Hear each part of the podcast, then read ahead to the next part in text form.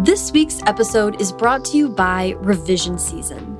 Revision Season is a seven week virtual master class in novel revision, led by award winning author Elana K. Arnold. Longtime listeners of the show might remember Elana. Uh, she's been on the show a couple times and she's absolutely incredible. You should listen to those episodes if you haven't yet. Each week for revision season, Elana will send you a video lecture and transcript, followed by a series of assignments designed to help you put the week's lessons into practice. A weekly live call, recorded if you need to listen later, gives writers the opportunity to ask specific questions. And a private, moderated forum provides a space for revision season writers to connect with and learn from each other. It's kind of a key thing that Elana is providing, also an avenue to create a community of writers. That's huge. By the end of revision season, writers will have the tools they need to deepen, enrich, and grow their current manuscript into its next incarnation. The winter 2021 session of revision season will run from January 17th through March 4th, with zero week work arriving on January 10th.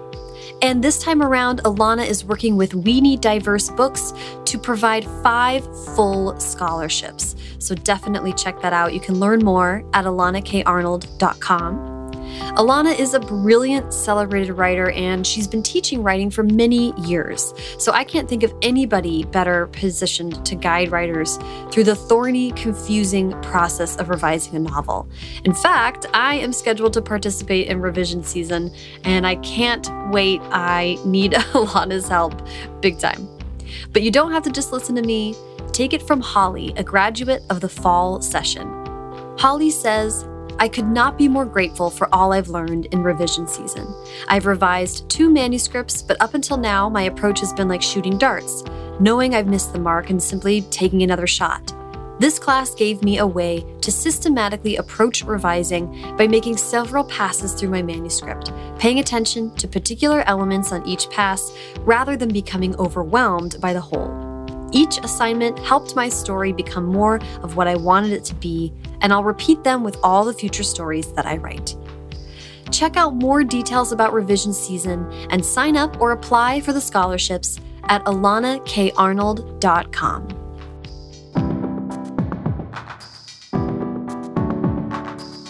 Welcome to First Draft with me, Sarah Enni. This week, I'm talking to Dylan Meconis, cartoonist and writer, to talk about her middle grade graphic novel, Queen of the Sea. Its sequel, Prince of the City, will be out in 2022. I loved what Dylan had to say about becoming a professional cartoonist without any formal training. What goes into the pitch document for a graphic novel? In fact, Dylan gets really into the weeds about how graphic novels come together and her process, which I love. And writing what Dylan calls left handed history. It's that time again, time for the annual First Draft Listener Survey. If you've got 10 or 15 minutes, please head over to firstdraftpod.com slash survey and help me get a better sense of who is listening and what you like or don't like so much and how I can make the show better. Again, that's firstdraftpod.com slash survey, and thank you in advance. The survey is one great way to support First Draft, and another way to show support is by subscribing to First Draft wherever you're listening right now and leave a rating or review on Apple Podcasts. You can also go to the website, firstdraftpod.com, to check out the show notes for this episode and every episode, where I provide links to everything that we talked about, including tons of great books and, in this case, graphic novels as well. First Draft is an affiliate of bookshop.org, so when you shop through the links on the website, it supports the show and independent bookstores at no additional cost to you. A great way that you can support First Draft while getting tons of bonus content is to sign up for the weekly Track Changes newsletter. Every Friday, subscribers get exclusive interviews, publishing industry analysis, writing tips, and more in their inbox. Information useful for both new writers and seasoned vets. The newsletter is just 5 bucks a month, but you can try it for 30 days for free. Learn more and sign up for the free trial at firstdraftpod.com slash track changes. And if you want to skip all the hullabaloo and just donate directly to First Draft, you can do that at paypal.me slash firstdraftpod. Okay, now please sit back, relax, and enjoy my conversation with Dylan Meconis. Okay, hi Dylan, how are you? I'm well. How are you? I'm doing well. Thanks so much for having me to your workspace. Yeah. Uh, I'm excited to chat. So, for my podcast, I love to start at the very beginning, which is where were you born and raised? Uh, I was born and raised in Seattle in the uh, 80s and early 90s Nice. when it was a little bit more of a funky backwater. I want to talk about how uh, reading and writing was a part of growing up for you. And then, of course, also for you, how drawing was a part of your childhood. Yeah. Oh boy. Both both big parts. Yeah. Um, both of my parents have doctorates. Really? So- In what? Uh, my mom's a medical doctor. She wound up being a family physician. So, Nice. you know, the person you go to first as a doctor. And my dad has a PhD from Columbia in comparative religion. Interesting. He's a former Catholic priest. former priest. Yeah. Okay. So it, it was a lot going on. Yeah. So you, I'm guessing, grew up in a house with tons of books and things. Yeah. No, no shortage. Reading very much encouraged. And my dad ended up working in basically the anti-war movement, but he did a lot of stuff where he was actually working with people in militaries, international militaries Wow. on like nuclear arms race issues. So he always had computers in the house from a very Mhm. early stage because that was really necessary to keep up with people Mm-hmm. who you know had access to DARPA net email before anybody else Oh did. gosh. So there was a lot of spare printer paper around, Wow. and I had unfettered access. Yes, spare paper. I can, I can would be very useful. Yeah. So, I mean, this because your experience is really different from mine in how you express yourself with drawing. So I'm mm-hmm. just interested in in whether creative writing, how did creative writing and drawing to express yourself did those develop together or Yeah, they weren't really separable. I mean, as, when you're a kid, they're not separated, right? You're reading picture books. Everything has illustration because it helps contextualize writing. So, you know, it, it's only when you're older that those two things get kind of chopped apart and writing becomes more of like a practical discipline and drawing becomes something that only people who are good at it do Mhm. for some reason, Yeah. Uh, which is unfortunate. But I just never gave up doing either of them, and I loved writing my own stories and illustrating them. So they never, they never totally became separated for me. Yeah. Yeah. So you were drawing your own stories from way early. Oh yeah, super super. And I don't think that's unusual, right? Like I think a lot. I, I'm sure that I was very prolific in a in a way that's weird. Yeah. um, my parents have a lot of very precocious art from when I was three and four, but wow. those are ages also where all kids are writers and artists. They haven't they haven't been discouraged yet. Yeah, that's true. But but to be writing that early and to have it come in the form of stories, I think is interesting. I mean, like narrative, like how were you finishing stories? Like how complete were these things? Uh, I definitely wrote some really some really dark sh- short stories in uh, first and second grade. You know, a lot of them start out like a school assignments. Write your own fairy tale, and I was the kid who would get really into it and like submit a six six page masterpiece that was you know very Roald Dahl inflected. Oh yes. yeah. Oh my gosh, the Yeah. best. very much so. I want to ask about how that kind of continued as you grew up because I read in one interview you talked about doing summer diaries. Yeah, and in middle school, I kept summer diaries. is the only time in my life I've ever actually managed to maintain any sort of journaling discipline. Yeah. What were those like? They're kind of weird reading them because I'm I still am terrible at writing any sort of diary or journal that is for me. Mm-hmm. It has to be for some kind of reading audience, even if that doesn't actually exist. So it's they're much more like perform- performance oriented journals. Like I'm honest about my feelings in them, but also it's clearly addressed to some sort of audience. And I'm making a lot of wacky jokes mm. and doing cartoons of my family. Mm-hmm. And so it very much, very much reads as something that's supposed to be presented. Yeah. I think that's so interesting because I, w- uh, the entire time that I've ever, to any extent, kept a journal, I was that was always so present in my mind. I was never not thinking of a reader. Yeah. And I think that's, I mean, this might be confirmation bias, but I think a lot of people who then move on to write. There's just always been an audience. Yeah. So it doesn't feel unnatural to put your writing in front of people. That kind of feels like it's always been the point, even when it's just Yeah. like about your day when you're 13 years old or whatever. It does seem like there's a, a divide that I often encounter in comics people, particularly between people who are essentially performers and for whom the work is always dedicated to telling a story to an audience mm-hmm. versus people who are essentially doing it as just a form of self expression. And if somebody else sees it, that's magnificent. But by and large, they are doing stuff just for their own pleasure mm-hmm. or because, you know, they're, they saw a beautiful leaf or they really like pursuing their own inner fantasy stories. Mm-hmm. Uh, and they're both completely valid methods of expression Yeah. but there's really a sharp divide of where that motivation comes from and how you relate to an audience, whether you are inherently doing stuff for other people or if it's nice if somebody else likes it, but damn the torpedoes, you're going to do your thing. Yeah, which is so interesting. Do you see more of the non-audience oriented um, comics artists in webcomic world or No, it's pretty evenly distributed. I think it's more just a, a personality quirk. Um, comics in North America has a bit of a split background.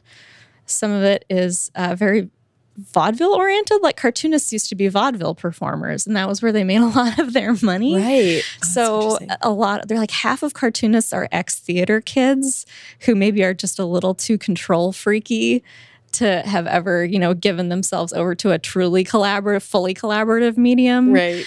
or you know, who enjoy the fact that you can keep your own hours in comics, Mm-hmm. uh, and like those ex theater kids are introverts but are really great at performing and at you know pretending to be extroverts for a limited period of time. Mm-hmm. and then there are like the true hardcore introverts who are the people who are doing work very much out of their own internal world. And often enough they're just so talented that the outside world is like please let us pay you for this. Please and they're kind of like reluctantly all right if i have to Uh, that's so that's interesting. yeah, it, it's very entertaining to me that there is such an obvious like two two type Yeah, personality in comics. Yeah, That's so interesting and and I'd love to hear about your your past in theater and how you think that does or doesn't relate to the kind of storytelling you do now. Oh yeah, I know. I was the kid in every school play. Like lit- literally, when I graduated, the two theater teachers at the school like gave me a tiny photo album because they're like, "You did every single one.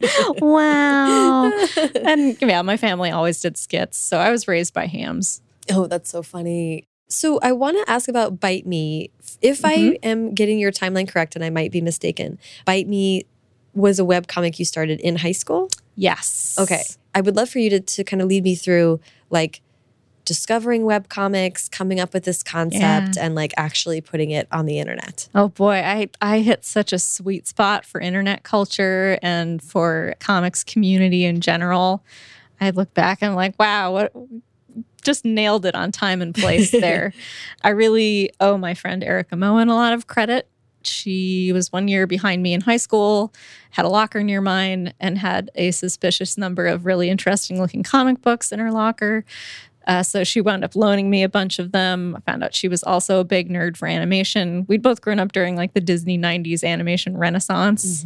So there was plenty to be excited about. Um, neither of us were huge manga anime people, but that was definitely something that a lot of our peers were inspired by too. So there was just a lot of energy. TV animation got really good for a little Yeah. while there. Like there was Yeah. Gargoyles and Batman the Animated Series. Mhm. Uh, and the internet had just like coalesced enough that forums were a really great place for nerds to actually like exchange information. Images were finally loading quickly enough that you know people could upload JPEGs of their art, Mhm.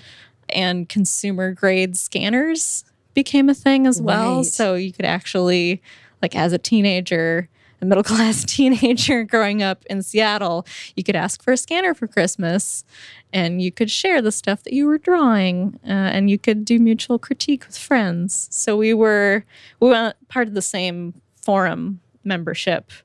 An animation student named Amy Major, who now works as Amy Steenberger, uh, was put just a ton of effort into creating this forum community called the Studio Forum that a ton of aspiring animators and comics people and illustrators hung out on and basically just interacted and did mutual critique and ran little contests and stuff. And some people were starting their own little web comics where you just hand coded HTML web pages. Yeah. Uh, I can I can still can still hand code an HTML page by George. Uh, you put it up on one of the little free website servers out there. A lot of people were on GeoCities mm-hmm. or Fortune City or Tripod or. Mm-hmm. And you could, you know, just put a little next link. it was all very, very, very by hand. Mm-hmm. Like was happening in music at the time. You know, you can distribute little CDs that you hand burn. Yeah. And that was really motivational because you would have a little instant audience of you know other people on the forum who would automatically read it. You weren't just putting it out totally into the void. Mm-hmm. so if you had a fun character design or a fun character concept it was really easy to just basically start digitally self-publishing. Mm-hmm. yeah. And as long as you didn't get too popular and incur a whole lot of website hosting fees right. it was very accessible to a teenager. Yeah. So that so it was out it was out there. I mean, it also though takes a commitment to I mean, you have an audience which is very inspiring, but it takes a commitment to like daily or weekly production of a thing. Yeah, you have to be a little bit nuts to begin with, definitely.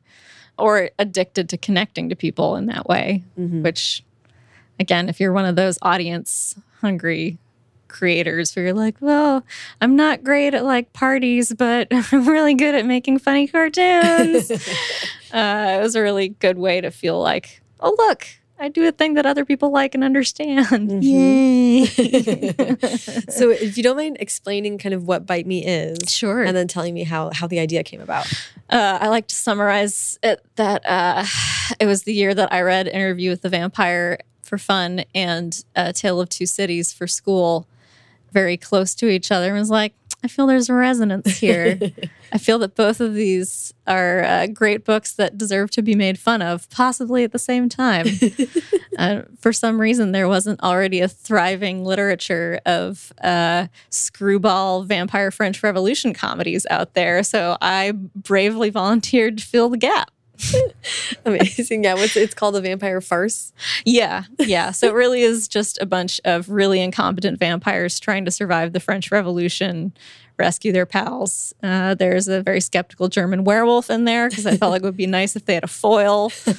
and I didn't have some overarching script for it. I literally just wrote a page every week and tried to have there be like a you know an, an interior gag or a bit of payoff mm-hmm. to every page. So it read like a graphic novel and it was form formatted like a graphic novel as opposed to a strip. Mm. but you could still read it page by page week by week and have have a fun time right. reading each page. Yeah. This is so so funny. It's so um it's so unusual. It's like and, and i'm oh, okay. So i'm interested in it's obvious that you love history. So, of course, it kind of makes sense to mine history. And history also is like very visually rich. So, I'm sure. Yeah, there's a lot of good free material just lying around. Yeah, right, exactly. and that's all, yeah, no, no IP restrictions on French revolutionary things. Nope. But that it was so funny that you started writing humorous comics to begin with. Yeah. I mean, does that feel like a, just a natural form of expression for you or? Yeah, I I, mean, I like writing humor and I like writing serious work as well. Mm-hmm. They're really alternating them kind of keeps my my spirits up. Mm-hmm. I think if you just do humorous work, it can be really, it, you know, it can wear you down because you're always going for like a, a, a sort of pop reaction. Mm-hmm. And there's sometimes in life where you just, you just don't have a fun gag in you. Right and with more serious fiction. You know, I've I went to school to break down metaphoric themes in great literature. Mm-hmm. So for me, it's really fun to build a character centric plot and take on you know more emotional issues or try to build a really solid feeling world mm-hmm. without the pressure of okay, it's been too long since somebody made a funny. yeah, exactly. so I really appreciate being able to do both and the fact that comics is bendy enough to hold both of them and that you can have multiple projects on the boil where maybe you have mm-hmm. different roles as a creator for them. In the context of being a high school and college student, doing a more gag oriented comic was a really good way to go Mm-hmm. because I was doing one page a week, like in my dorm bedroom. Mm-hmm. So it was a relief to step away from like, okay, I have to write a paper on this World War One novel. to then be like, okay, I'm gonna make a joke about spoons and rioting. Maybe I, I should decapitate a character soon. That would be funny. so it was a good outlet. Yeah. Uh, and it was also just like a, a a separate world that I could keep away from the world of being on campus, Mm-hmm. being a student. It was just it was essentially a professional sphere, but it was a really fun collaborative one based around common interests as opposed to okay, we're all somewhere between 18 and 22 and are academically gifted. Right. Right. yeah. Were you thinking about your online web comic community as like a professional sphere at the time? Yeah, I mean, absolutely was. One of the things I really, really liked about it was that I wasn't uh, condescended to because I was a teenager. It was, you know, because it was the internet, as long as you conducted yourself with relative maturity, you would be treated very respectfully as somebody who had talent and who had, you know, a commitment or work ethic. Mm-hmm. So, you know, adult cartoonists who'd been working for 25 years were happy to interact with me and give me, you know, professional level feedback and praise. I got my first like professional paychecks at around that time too. Oh wow. Okay. Yeah. So it, it really was like, no, you I mean you're you're not making a living off of this, but you're definitely taken seriously. And as much as anybody who makes cartoons is taken seriously. Um, what if any professional training in in art or drawing do you have? Very little. Yeah, I I love that. Yeah, I was part of a little cabal of teenage girls and one or two uh, adult dudes who stuck out very much, who sort of self trained or peer trained through high school. And then about half went off to animation Mm-hmm. school programs, and the other half just kind of kept being more self-educated in art. So I did not I didn't major in studio art. I didn't go on to a commercial art program, although I thought about it. Mm-hmm.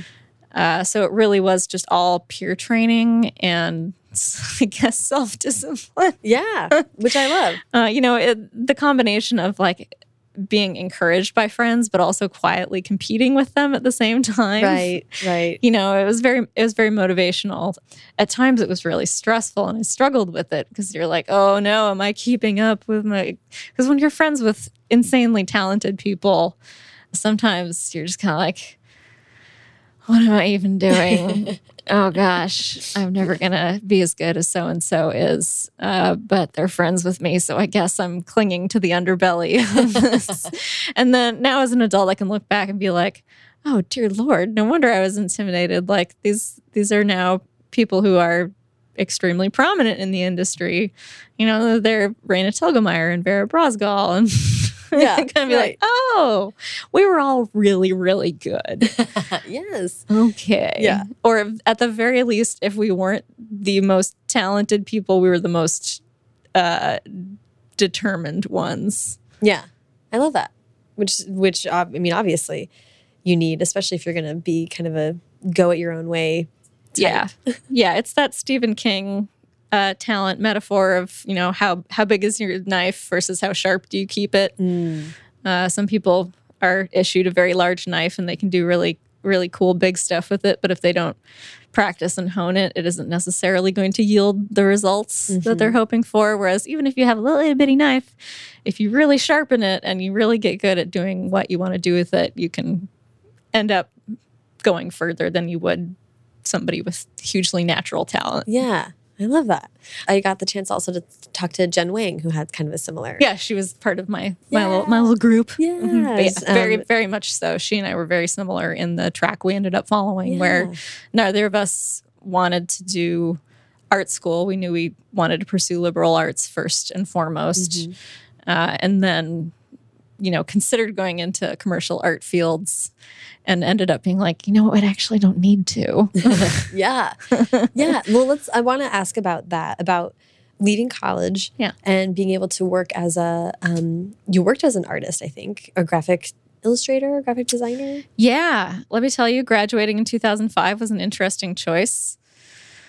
It was not totally smooth sailing. Mhm. Um, I worked for a while just, you know, doing postgraduate odd jobs, working the front desk of a martial arts school, doing a lot of medical reception because I'm really good at spelling. And I grew up in my mom's clinic. So there you go uh, I know how to make doctors happy, I guess. Uh, and then uh, just through the magic of um, middle class family connections, wound up having dinner with somebody who worked at a visual communications consulting firm Cool. here in Portland and impressed him with my weirdo skills. Uh, and I wound up doing kind of a, a test gig for that company.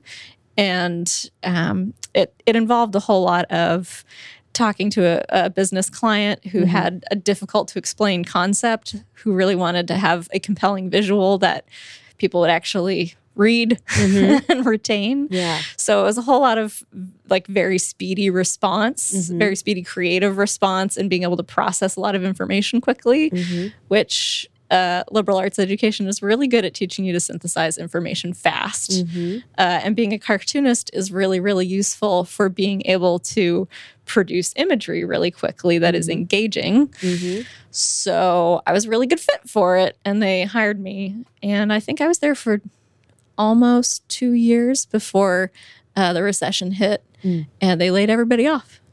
Good times And I've been a full time cartoonist ever since. i was gonna say i wrote down 2008 transition to full-time comics yeah, that happened to Jen also, I believe, where we had like responsible young adult jobs, and then they just dropped out from under us, and we were like, well, I guess it's back to plan A. plan a is thrust upon us Yeah. okay. And that was right when crowdfunding started to become a possibility. And it was, it took a few years after that for like Kickstarter to come about. But you could have an audience big enough that you could say, hey, everybody, I need $10,000 to make a book for you. And they would. Yeah, it would happen. yeah. Well, I and I and I I think we're missing somewhere in there what uh, the origin story for Family Man. Oh, yeah. Do you mind pitching Family Man and telling me how it came about? Oh boy, it's such a hard book to pitch. It is. I, I call it aggressively non-commercial. the um, the snarky German werewolf character in Bite Me is a lot of fun, and I set him up as a college professor in some German-speaking country. I think I say Bavaria at one point in a joke. But I, I really liked him, and I really was interested in what would happen if I transported him into a much more serious story. Mhm. So that's kind of what I did next. I took a, a year completely off of doing any sort of weekly comics or web comics uh, to do senior thesis stuff, Mm. have the mandatory mental breakdown. Uh, Mandatory for senior thesis work. uh, yeah, graduate from Ah. college, Yes. uh, go through a breakup, move to Portland, all the stuff that you're supposed to do when you're 20, 21. Mhm. Uh, and then I was finally ready to return to comics. And I think I really, I was really eager to prove that my drawing skills were not just limited to like Looney Tunes silly stuff because they had developed a lot over the last few years. Mhm. And I was also really eager to be like, look, I can write things that are also much more nuanced or uh, more more moment to moment Mhm. than just goofy humor. Not, yeah. I mean, obviously, comedy writing is incredibly sophisticated and very, very difficult, but it's a different skill set to display when you're trying to tell a more um, a story that pays off in less easily seen ways. Yeah, I think that's a good way to put it. Yeah. I'm interested in how Family Man is also planned. I think a Mhm. little bit more um, extensively. I mean, obviously, Bite Me was sort of aggressively not planned. Yeah, it was very improvisational. Yeah. Uh, so, what, so did, how much did you know about Family Man when you set out? Uh, I had the the emotional arc of the story written out, so like I always, I, I always knew where everybody was going, uh, and I had a fair chunk of the actual script written out as well, with large gulfs that were just kind of in general outline. Because one of the things is when you do one page a week. of essentially a novel having a, at least a little bit that's left to chance and that Mhm. you can arrive at and express yourself instead of working off of the same script that you maybe wrote now eight years ago. Mhm. yeah, it gets to be so. I, I left myself some some food and also some problems to solve along the way. But I, I had the overall project. I knew what I knew what the thesis was. Yeah, that's Uh, and I had my list of themes and recurring images that I really wanted to pack in. Okay. So it was it was a whole lot of things I wanted to prove, I guess, uh, to myself and to the audience as well. And it is um, the palette and everything is also completely different. Yeah, it's all sepia green digital coloring instead Yeah. of uh, markers and pencil on printer paper. which is fun and vibrant. But yeah, Thank you. was- Yes, like I have to keep all of my Bite Me pages like in a sealed, airless, sunless chamber because otherwise they'll just disintegrate like tissue paper. Uh, but Family Man is drawn on Bristol paper with tech pens and then scanned in in this elaborate process and digitally colored. Okay. So it's it's a bit of a more of a hybrid technique. Yeah, and I mean, technique is something that I really. Uh, as much detail as you want to give, I'm because I don't know any of this stuff. Yeah, it's different for every project. Yeah. I've literally never done two projects the same way. which I love. and also, and Jen also is talking about how she still kind of is old school and how she draws and inks and puts things together, which I Mm-hmm. Think is great. She's one of those. Uh, um, there's a kind of creator that I think of as a ballerina, in that they they have this core discipline and style, or you know, set of techniques that they're very loyal to, or that they are you know perfectionists about. yeah, And so when you pick up a piece of their work, it's really it's so um, representative of them that you immediately know whose work it is. And you know they change things up over time, and they, things alter a little depending on project. But at core, they are practicing the ballet. Uh, and then you have goofballs like me who are bored easily, and uh, part of the fun is in each project being like, hmm, what am I not good at? Let's do an entire project of that. is that really how you think about it? Yeah, or where there's just some skill that I haven't really done much at all. So I'm like, oh, if I do a whole project with that? Yeah. That looks cool. that's really interesting. Yeah. So was that was that kind of the heart of going with the serious nature of Family Man? Like you said, you wanted to prove yourself. Yeah, I think I think so. Both in terms of how the writing worked and uh, how it was put together technically. Where I was like, okay, I'm just good enough at digital coloring that I could probably do a bad job at this. and then grow over time. yeah, it gets a lot more sophisticated as you go along too. Yeah. So Because Family Man started in 2006. Yeah. And it's like still chugging along. Yeah, I've had to take a couple years off of it for other uh, other projects, and it's really it's hard. It's like having a long distance relationship. Yeah. You're like, no, we can never truly be together full time, but you know, the time we have together is so magical. uh, so I'm I'm looking forward to um, stepping away from some of the commercial side projects I do purely for you know financial reasons and uh, to keep my hand in some technical zones Yeah. and possibly giving that space over to occasionally getting a page of Family Man done because I really want to tell a little story. It's so good. Everybody's going to get miserable so soon. Yes, I did hear that, that you say that in another interview. Oh, man. You're at the what two thirds through mark, so they're about to get to the dark night of the soul territory. Oh, so many bad things going to happen. some writers thrive on making their characters happy, and some writers thrive on making them miserable. And I'm one of those miserable people. yeah. Uh, love it. Queen of the Sea is so different because it's like written explicitly for to be published by a traditional publisher. Yeah. Um, so I'd love to hear you talk about like you were doing Family Man, doing your own stuff, Mm-hmm. freelancing, and then how did you come to the decision to make something that's for traditional publication? Sure. Uh, well, it, the industry kind of matured enough that it finally made sense. there was a period in the sort of the the late aughts um, where there was a little boomlet of graphic novel publishing, but it was very focused on popular webcomics, and I never quite had the audience numbers. And as I said, Family Man is aggressively non-commercial. Right. So I I kind of realized it was going to be a tough sell. Not that I didn't try, but you know, I gave it a shot.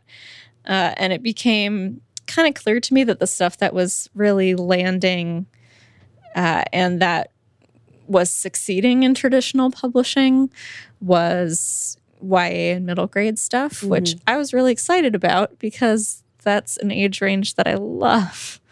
Particularly middle grade, which bears a lot more resemblance to the kind of YA that I loved in the 90s. Mm-hmm. Um, I think YA is a lot more uh, explicit. Sounds like the wrong word, but it's focused on an older crowd of YA, and it's definitely there's like an expectation that there probably will be some romance in there. that There's a big focus either on high fantasy or on contemporary settings. And I was like, "Ah, I can't. I I don't know how to write 17 year olds. because, I wasn't very good at being a 17 year old. I was hanging out on cartoonist forums. But the middle grade, particularly the upper middle grade range, was an age of kid that I still really dig and identify with. Yeah. I mean, not like not like popular 13 year olds, but weird 13 year olds. and like, ah, I see you. You're intellectually very live and you're super confused by all of your peers, but you're also like entering this really cool phase where you have access to adult worlds of knowledge, but you haven't yet entered the total storm of late adolescence where you're thinking seriously about college and Yeah. dating and all that stuff. It feels like a, um, and I think middle grade for a lot of people I've talked to is a time of like massive downloading of information. Yeah. You kind of get obsessed with, at that age, the stuff that tends to really stick around as mm-hmm. very important to you for the rest of your life, or at least that was definitely true for me. Yeah. I think um, there's a lot of, we always think about influential high school teachers, mm-hmm. but I think in terms of like whole person formation, that education you get in middle school is really, really crucial. Mm-hmm. And a lot of the stuff that became, yeah, super important to me and is still super important to me, I started getting, you know, focused adult attention about it from middle school Yeah. forward where you it, stuff sort of di- you begin to differentiate from oh this little kid is into this thing to oh this young adult is really interested in pursuing this Right. Yes. so that that is an age that I really enjoy thinking about and writing for. And I actually wrote uh, an entire m- middle grade manuscript that I ended up putting in the trunk. Really? Uh, yeah, it was it was Greek mythology, and unfortunately, it was Greek mythology right when. Uh, Percy Jackson stuff hit, so absolutely nobody was touching it. They were like, "I'm sorry, there's just too much. This could be the best comic on earth," and it would just editors are fed up. Yeah. Uh, you know, it's like writing a great vampire novel right after Twilight. Yeah. Which, you know, obviously I was ahead of the vampire curve. So there you go. what can I tell you? I'm a trend trend predictor. Um, but that was a really good like discipline experience for me to write something where I really thought about the industry I was pitching it to, mm-hmm. like even if I wasn't aware of like trends and how they impact the sales aspect. I very much like I had an idea of how you put together a pitch document, how Yeah. you write a script for other people to read, how to structure it for an editor to read as mm-hmm. opposed to just me. Mm-hmm, mm-hmm. I got my first representation around then Okay. on on the wor- uh, referral of an adult peer. Okay. So, like, it was my first window of access, mm-hmm. and Queen of the Sea was was sort of a a round two a few years later, where I was like, okay, I actually know enough now that I can say with confidence that this will be somebody's thing. Yeah. Yeah. If you don't mind, this is like very in the weeds question, but No. I'm unfamiliar with exactly what a pitch document for a graphic novel looks like. That's because there are no rules. So what what are the kinds of things that you put together for that? Yeah, it's uh, it's so funny because for prose projects there are such strict expectations, and agencies have their own rules that Yeah. if you step outside of them, uh, beware. Yeah. Uh, entire books have been written about how to do the perfect query and query letter, uh, and with comics, there's no set understanding of what is useful to people and as production considerations in prose are very, very different for comics. If Mhm. somebody comes to you with a completely drawn and written graphic novel and you're an editor, you just lost the opportunity to actually edit. Right. Or this poor artist is going to have to go back and redraw massive amounts of the book. Right. Right. So there's a little bit of a problem there. Like it's it really straddles the like film production uh, Mhm. versus prose production, hmm uh, and a lot of cartoonists work very differently as well. Some people really write in thumbnail stage. Like Raina Telgemeier pretty much writes her books as little layout doodles. Mm. I if I'm writing for an editor agent situation, I will write a like formal manuscript that looks a lot like a stage play or a screenplay Cool. uh, with you know panels broken out and it's Mhm. all it's all pure text with some reference images in there. Mhm. So I just kind of um, did my overachiever thing. Which Which is- just just went full Hermione Granger on it, which involves having, in my case, a, a complete manuscript with page counts Mhm. and uh, suggested size. so like Oh, I was like, here's the trim size. It's for color printing. Yeah. It's for ages 10 to 14. Uh, this here are the comps. Mhm. So, you know, like a lot of standard query stuff, but taking into account like print production considerations that have an impact on costs Yeah. I'd done self-publishing and I know that having bottom line stuff there is useful for a acquisitions committee. Absolutely. And I did like 30 sample pages Okay. uh, I had spoken with an editor who was just interested in whether I had anything to pitch Mhm. uh, and had approached me. I mentioned this project over a phone call and he was like, okay, cool. Well, you know what? Put together like 20 or 30 sample pages of like a cool opening and send the manuscript and maybe we can talk. So I did 30, 30 fully produced like gonna say fully- watercolor okay, sample wow, pages wow. and they weren't uh, they weren't contiguous. They weren't um, just one sequence of 30 pages. I Mhm. did a cool opening scene, and then I did a bunch of shorter sequences that showed off the different storytelling modes Mhm. that I wanted to use. So I was like, okay, I know I want to do some silly infographics, so I'm going to include some of those. I know I want to do some mixed layouts that are prose and illustration. So I just I kind of put together something that would give an editor a clear idea of what on earth they were going to be looking at. Right. Right. While also knowing that the story was like complete Mhm. and comprehensive. Uh, and then a bunch of character design art because everybody loves that stuff. Yes. The best. That's. Uh, and I made a miniature website. oh wow. Yeah, it's just a little WordPress install, but I made it so that it was all accessible, not linked anywhere, but it Mhm. meant that you could literally just pass a URL to an editor Right. And they could download the PDF manuscript, they could download the pages, or they could just view them on the web. So there were no big email attachments. Key.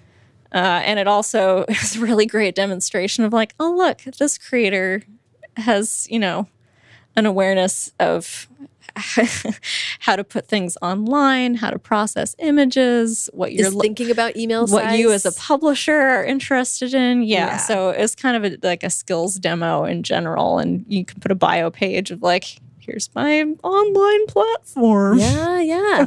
I mean, that's all. Like, this is that's so interesting, and that's all. Oh man, my agent was so thrilled. He was like, "This, is great. I don't have to do anything. I just send this to." He did a lot, but uh, but still, I think, especially in children's literature, there are a lot of folks who are amazing at making the thing, and who are not as sophisticated at the like self presentation, self marketing, and the more crunchy end of publishing skills. Well, I mean, I talk about this. I talk to people about this all the time. That that's like left brain, right brain kind of thing, right? Mhm. Like you have to be the nowadays. You have to be the creator of the thing, and you also have to be the seller of the thing. Yeah. And um, as as uh, distasteful as a lot of people find that side of the thing, if you master it, like you're talking about, if you kind of like really yeah dive if you, into it. if you spent years self-publishing comics and hand selling your books at conventions and on the internet you're you're you're pretty you're pretty set for Yeah. the the traditional publishing world um, and it was really funny to me to just encounter some of the to me hilariously low expectation. Truly. Which is not not to put a burn on folks who, you know, write a magnificent prose book and then eh, just have to walk into this entire commercial world that's foreign to them because it, you know, it's pretty closed. Yeah. Not everybody has the time to like read publishers' weekly newsletters.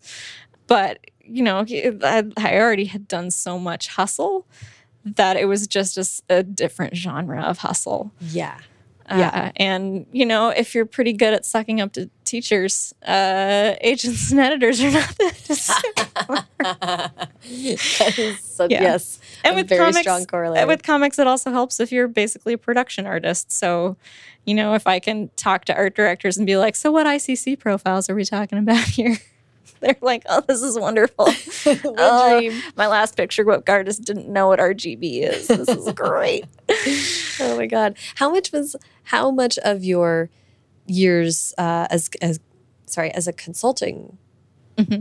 What was what would you call that job? Consulting. Uh, I was a I was called just a designer, but consultant designer Yeah. basically. was Um, that also a factor in all Oh this? Oh boy, yeah, I was super lucky to do that gig because as much as it wasn't like my life's dream to produce graphics for Motorola, it was really amazing training at client management. Uh, and it being able to like quickly turn things around and present options to people in ways that were uh, appealing and accessible, but also very efficient. So not getting too lost in the weeds on things or getting too attached Yeah. to one system. So like I had heard nightmare stories about how many tries it took to get a cover design through marketing. So eh, you know, it didn't I wasn't intimidated going in at the concept of like having to do multiple thumbnails. I was like, oh yeah, that's fine. this happens. I give you I give you three, all of which I'd be fine with. One of them is wacky, one is the one I really really like, and you know one of them is the very, very conservative option. And then if we find out which one you like better, and we iterate on that one. So uh, yeah, Yeah. it, it teaches you to have professional phone voice Yes. Oh my gosh. Uh, and how to um, tell people that they're wrong in ways that are not just you being upset, uh, and how to, you know, impose your opinion or your needs, but also be open to actually really useful feedback. Yeah. That's so huge. super handy, super, Super duper handy. I like that it was a lot of interpersonal stuff. That makes a lot of sense. Yeah, it's hugely interpersonal because that's all you're ever dealing with is other folks who have different bodies of knowledge, right? And uh, I think a lot of cartoonists misinterpret things coming from editors or from publishing designers as um, commands that must be obeyed mm-hmm. or as personal affronts mm. to their vision. and mm-hmm. it's neither. you know, it's just people voicing their experience and learning how to present your experience if it suggests something different or when to recognize I don't know what I'm talking about so I'm going to let them take I'm going to let them have this one Yeah. is really really important. Yeah, I love that. Okay, so let's talk about Queen of the Sea. Before Yeah. we get too into the um, details of it, do you mind uh, pitching Queen of the Sea for us? Sure. Um, I'm also bad at pitching Queen of the Sea, but only because I care about it so much. Yes. Uh, it is not one of my high concept titles. So, Queen of the Sea is set on an isolated island. The only people who live there are the nuns of the tiny convent and their servants, and one little girl who's sort of an, an orphan foundling. Uh, this order of nuns adopts children, so she doesn't see anything unusual in it, but she grows up totally alone and uh, no other kids. Very, but it's an idyllic setting. It's kind of a, a Tudor period. It's not set in actual Tudor England, but it's kind of the daily life that they live is very reminiscent of what it would have been like in the 16th century. And she does acquire a childhood friend at one point. Finally, her prayers are answered. it's not just her and the chickens anymore. uh, but after a few years of having this really lovely, uninterrupted, peaceful childhood upbringing in this isolated location, uh, she kind of encounters her first bumps. Um, she loses her her friend in a way that ends up being really kind of earth shattering to her, and it also reveals some pretty dark truths about why the convent is on this island and reveals a pretty tough mystery about why she is there. Hmm. It's not for the reasons that she originally assumed. Yes. Um, and then a new resident comes to the island and just absolutely ruins everything else. Ah, I love that. Yeah. Well, I want to I want to hear about the um, coming up with this concept Mm-hmm. and planning it out so extremely. I mean, I love that you're saying that you were finally at a point where you knew this was going to be someone's thing, because this certainly is a unique story that wouldn't be. It's not a superhero comic, right? Like this is No, a yeah. unique historical. Uh, what do you call it? Left hand fiction. yeah, I call it left-handed history because it's it's alternate history, but um, not in a "what if the South won the Civil War" kind of way. it's more it's more just like plausible deniability on historical facts, and I get to move things around according to what is of interest to me. yeah, Yeah, which is a great way to do it. yeah, I think so. um, how did you come up with this concept and what was it how did it change over kind of the really intense planning process that you went through it's funny because I used to think that as a writer, my weakness was plotting. Uh, but it turns out I, I really love intricate plotting. It's just I had to learn how to construct intricate plots that really were character driven. And once once I figured out techniques for kind of growing plots out of people's situations and relationships instead of out of some mechanical outside force, that it really came together. So Yeah. I think this is a great example of me kind of figuring that aspect of writing out.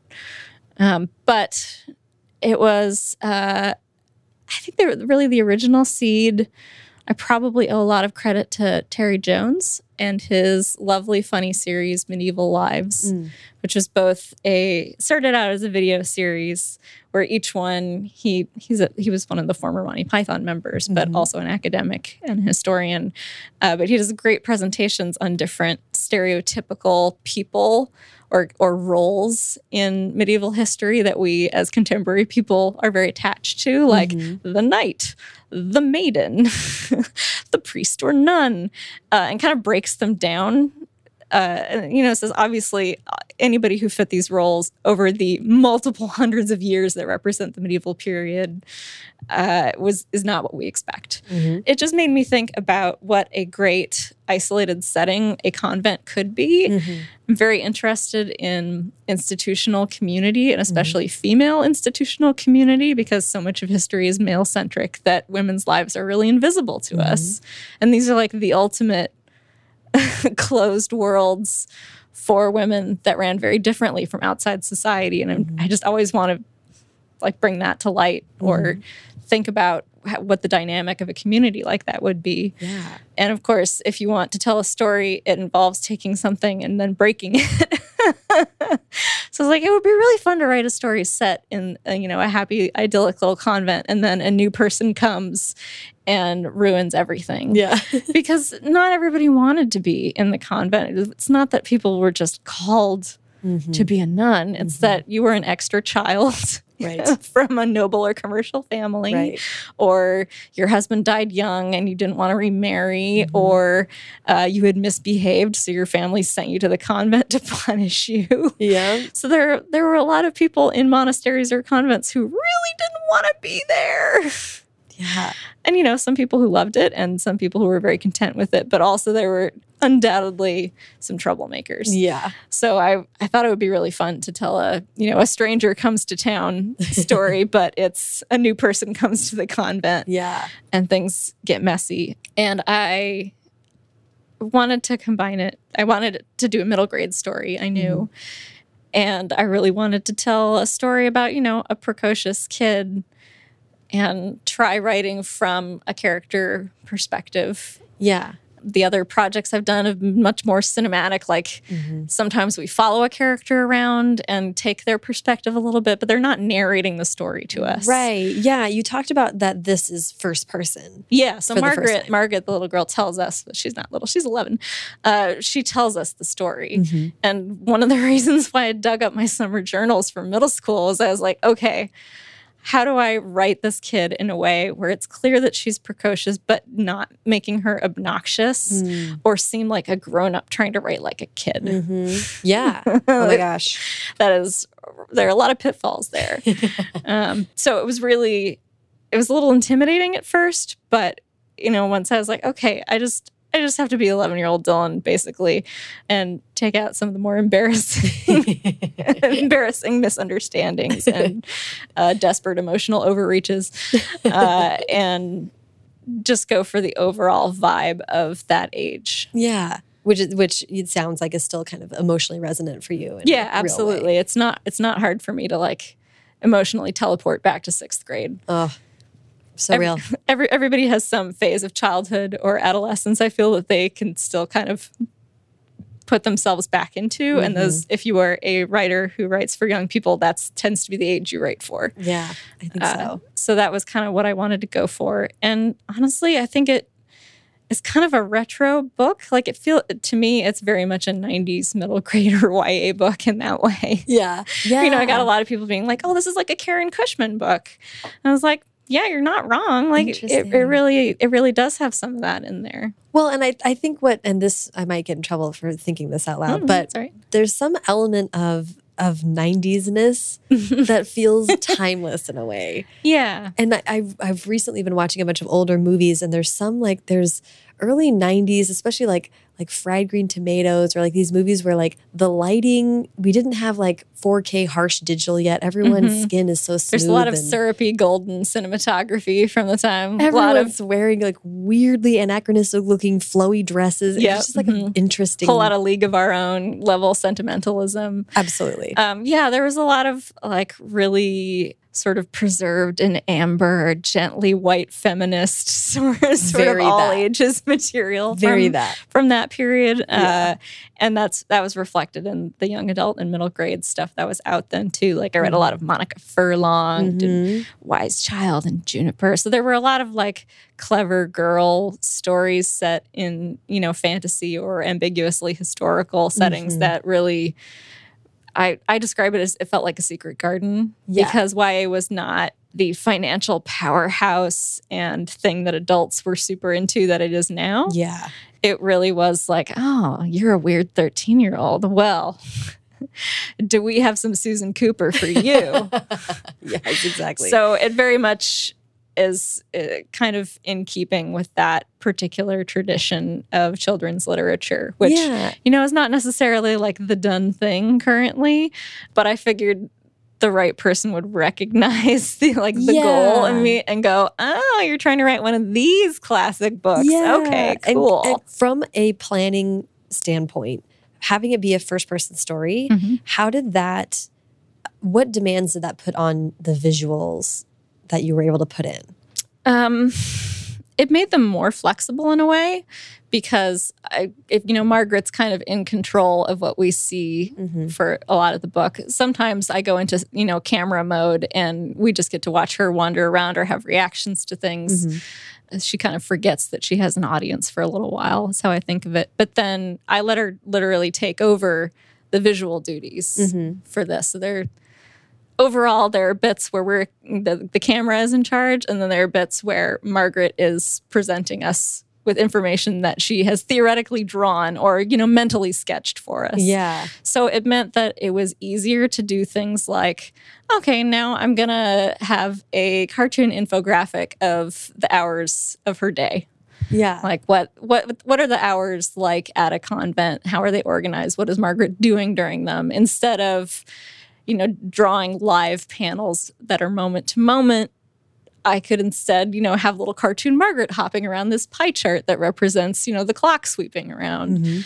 um, I could do little caricatures of characters having outsized reactions and have it be clear like they're not actually suddenly a cartoon like in in a lot of manga you'll have characters shift the style Mhm. they're drawn in based on how they're emoting Mhm. and in this, I want to be like, no, there really is like an objective mode, objective story mode in this. But then there are also times where we are seeing Margaret's opinion. Yeah. it's very clear. Yeah. Um, and also times where I'm showing illustration styles that the implication is that Margaret has read books or seen art rendered in this style. And so she's kind of pulling from her mental reference library and showing it to us like, you know, like a scrapbook or a journal. Right. Um, so it it meant that I could I could show her inner state and her mental vocabulary in a visual way that broke up the more, you know, cinematography parts of the story. Yeah. And and you do have like there's a lot of interstitials in here. There's a recipe for gruel Yep. and you teach people ch- about chess. yeah. Um and it's all it's like so fun and engaging and and the first person voice does kind of carry us through even though it's a break in the narrative that we've seen, we're still like in a in like in well in hand, you know. yeah. I really wanted it to have a sense of flow, but to Mm-hmm. not become monotonously the same kind Yeah. of narrative style the whole way through because it's long. It's a long book. A lot happens. A lot happens and I want to ask about that um about the fact that it's like 400 pages yeah. and you planned you knew that it was that long. Yep. Mhm. Yeah. It said so in the script.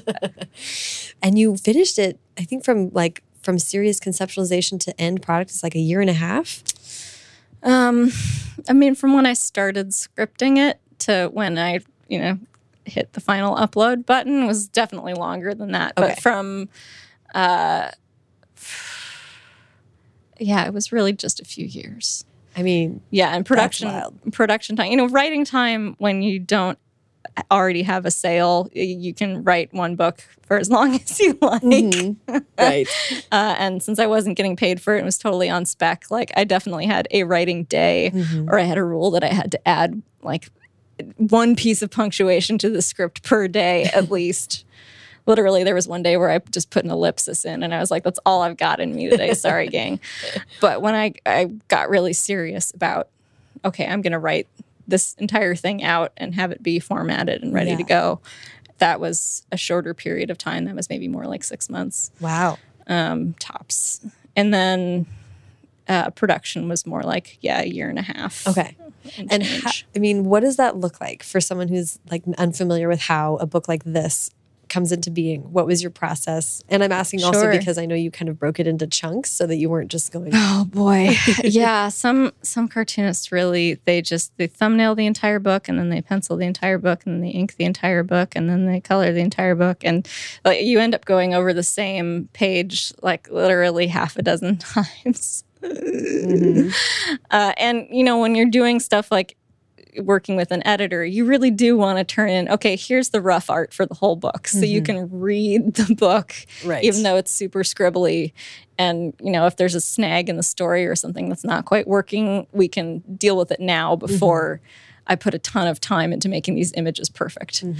And then you really do kind of want to proceed in full drafts again so that if something isn't working, everybody knows or yeah, you get the idea. But you know, once the once everybody really feels on board with what images you're going to be using and what the what the content, heaven help us, is going to be, you can be a little bit more um, personal. free Uh, yeah, personal in your uh, approach. And so I, I did a lot of yeah, doing the very final production stages in, in batches so I could feel a little, little senses of victory instead of just like, okay, back to the beginning again. right And from a production standpoint, it was- it was also just more efficient to go through the full end production process with a batch of 10 pages instead of all of them ever.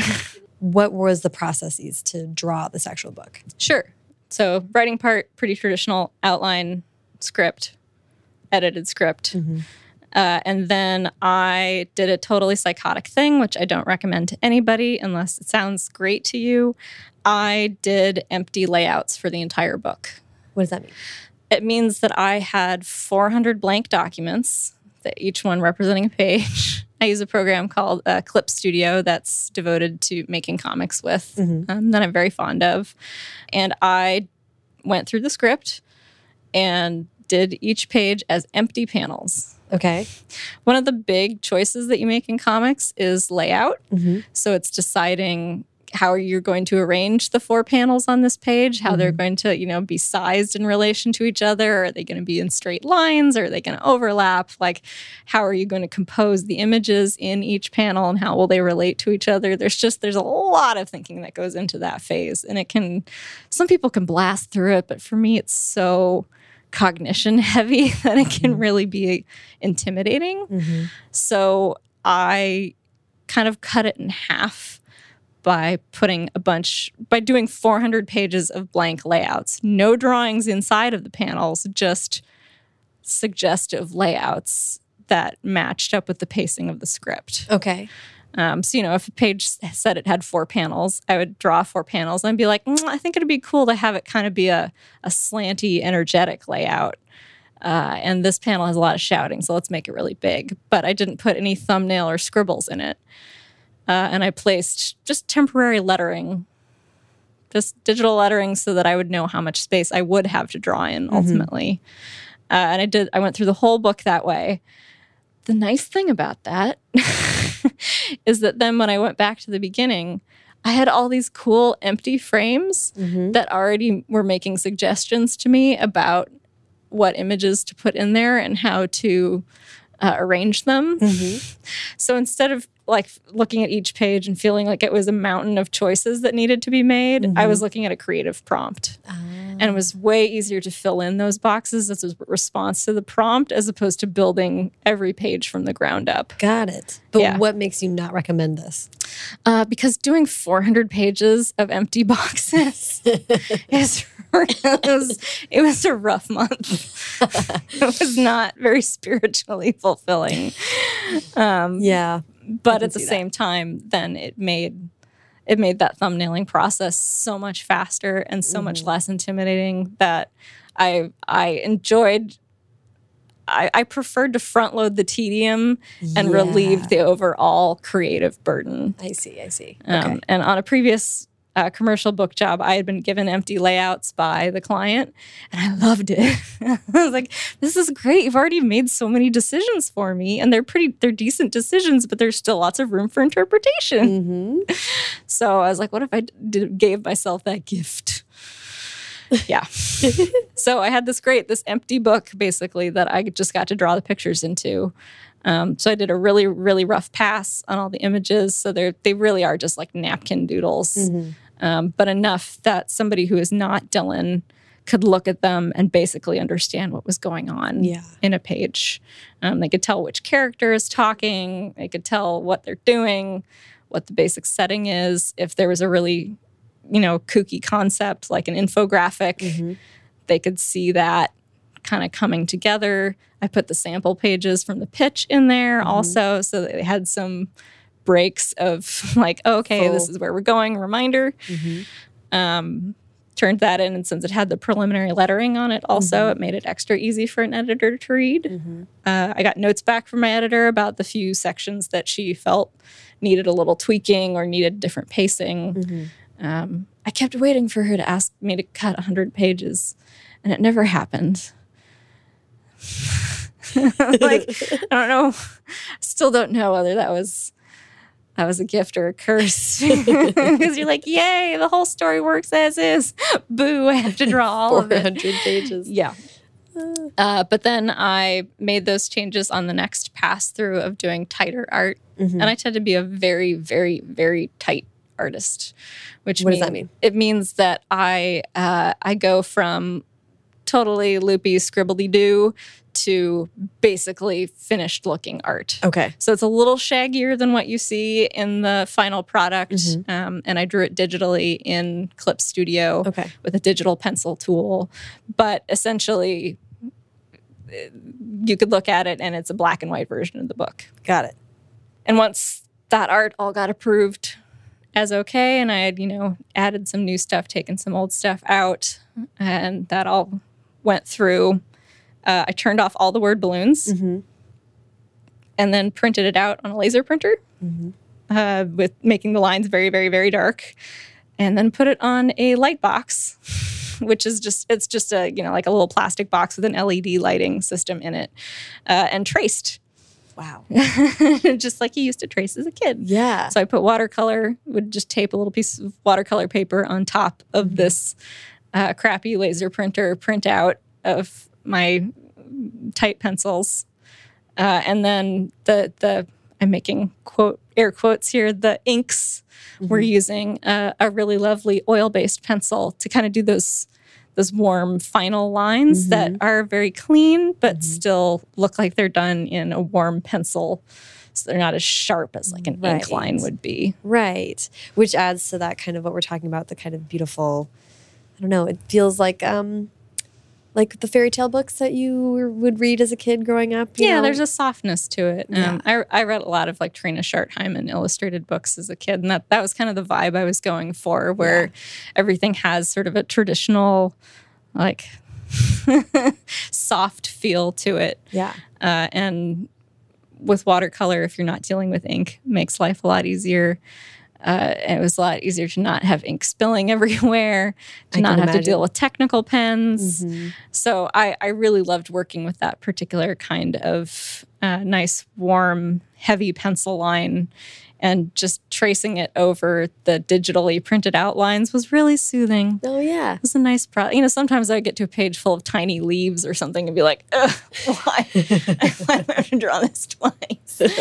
um, but the nice thing was that then I would have this perfect sheet of watercolor paper that was ready to paint on and that had all the line art finished on it. Yeah. Um, and if I screwed up the watercolor, it wasn't a huge deal because I could just trace the page again. Right. I wasn't ruining the core drawings right. because those those were a file, Yeah. and a file and a printout. Nice. Um, and then I would paint each page to completion.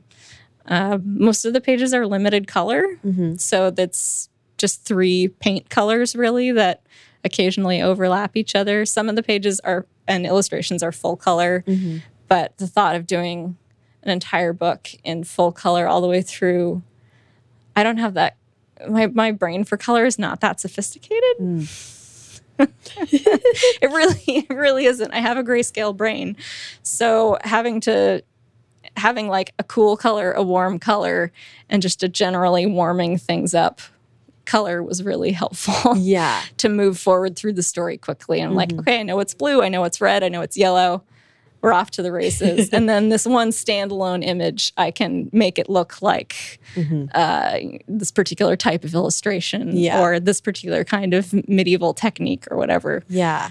I want to ask about so Queen of the Sea, um, kind of spoiler, ends on a little bit of a cliffhanger. Yep, mhm, has has a bit of an ambiguous ending. You don't know what's going to happen next. Yes. So did when you were and obviously that was planned and discussed. Yeah.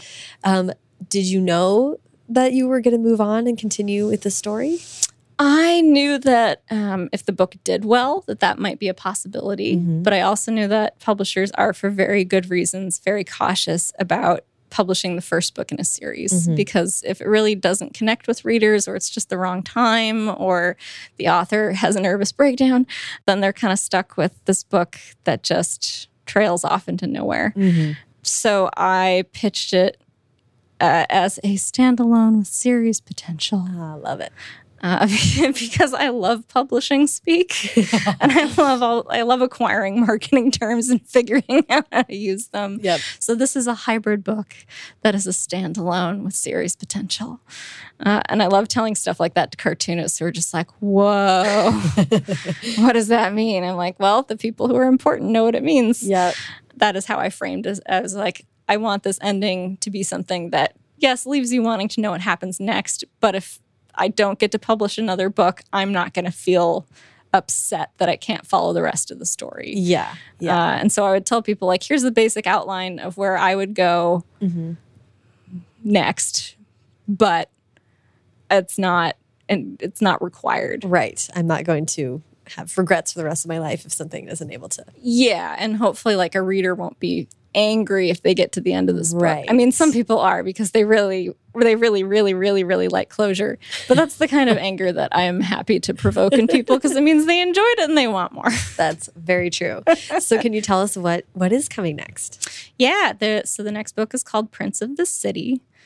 Uh, and it is much more of a multiple location book. Okay. It's not set in one little environment like Queen of the Sea. Mm-hmm. Uh, so Margaret gets to do some world exploring as they they try to find allies in the mission to take the throne back from Queen Catherine. Yeah. Uh, one of one of the things that I regret about Queen of the Sea is that because it has such a small cast and it is so isolated and it is such a little English story, is that I didn't get to beat as much on one of my favorite drums, which is the diversity of historic Europe, and that it hasn't just been some Aryan enclave until you know 2007 or so. so getting to have the characters visit places in Europe and see just the sheer breadth of human experience and international influence and what a sophisticated society collection of societies the 16th century was uh, and that the tweaks i'm implementing are not even that radical compared to the reality on the ground Yeah. that that's exciting to me also intimidating but Right. getting to you know have this very sheltered character make an entree into the world is really fun and the fact is she doesn't know what her home civilization is like at all either so she's a weirdly open-minded character It's true. she's like so wow true. this is not the convent which is literally the only thing i've ever known yes. So I'd like to wrap up with advice. Yeah. Um, I I, um, I really appreciate you speaking to kind of all the technical stuff about drawing this because it's not. Um, there's a lot of technical stuff there is a lot of technical stuff, which is which I you know I'm still trying to get my arms around and understand, but I'm so interested in. But I'd love to just hear what you you know you like you said came up as an artist when it was really easy to jump online and find a great community for young fledgling artists out there. How would you recommend they start honing their skills and also finding a community? In some ways it's tougher just because the internet is much bigger now. Mm-hmm. Uh, but in other ways it's even easier because the internet is so much bigger now. There's a lot of really great artist community on instagram that mm-hmm. i recommend if you are a, a drawing person. And if you are just a writing person i'm sorry i really encourage you to draw. If you want to write for comics and graphic mm. novels mm-hmm. Doesn't have to be a lot and you don't here's the great thing about comics you don't have to be great at drawing to be good at doing comics. So if you go on to instagram and just look up tags like comics or cartoonists or daily comics you will find so much great stuff at different levels of sophistication uh, and just a lot of incredibly cool work. And cool work by young artists too who are not necessarily like working for marvel or dc uh, you know, you'll you'll find people who are like me, and you'll also find insanely talented 15 year olds from Russia who are like doing amazing work. But you'll also find people just doing like sketches of their daily life, and it's really really cool. Yeah. Uh, and I think that is a bit less intimidating than an environment like Twitter, which is really great for uh, making friends and doing professional networking, but is not really the best place for you know people who are under 18 per se. Yeah. Um, if you're an adult, uh, you're probably and you're really interested in like middle grade and YA publishing, you're probably already on Twitter. And the comics sphere on Twitter is right next to the middle grade and YA Twitter. It's true. so just look up a few people whose books you've liked and see if they have an account and follow them. And Yeah. from there, you will find everyone. So if you like Raina Telgemeier, follow Raina Telgemeier, and you will see Raina Telgemeier talking to nerds like me. and then you can follow nerds like me. It's very easy. Yes. Um, and I, I think there are enough just cool little challenges and achievable go- like communal goals mm-hmm. that it's it's easier to get over the hump of oh no I have to create something magnificent before I'm allowed to to do anything in mm-hmm. this medium. You know, you'll encounter stuff like we just did hourly comics day, mm-hmm. where people just once an hour they sit down and do a short little diary comic about what just happened in the last hour. And some of them are really just like they're stick figures. They don't have to be a big deal. Some of them are beautifully illustrated. But like you did something over the last hour, eh, you know, you can contribute to something like that and Yeah. kind of get a sense for how sequential imagery works. Mm-hmm. And you can look at other people's stuff and get ideas from them. Mm-hmm. I love that. And it was and so fun talking to you and to Jen, um, who are examples that you can just kind of be passionate about it and driven and work on your own and not necessarily go into debt to go to art school No. to be a professional. Yeah, is- you do. You do not have to go to art school at all to work in comics. There's nobody is ever going to ask to see uh, your comics degree. Ever. Literally ever.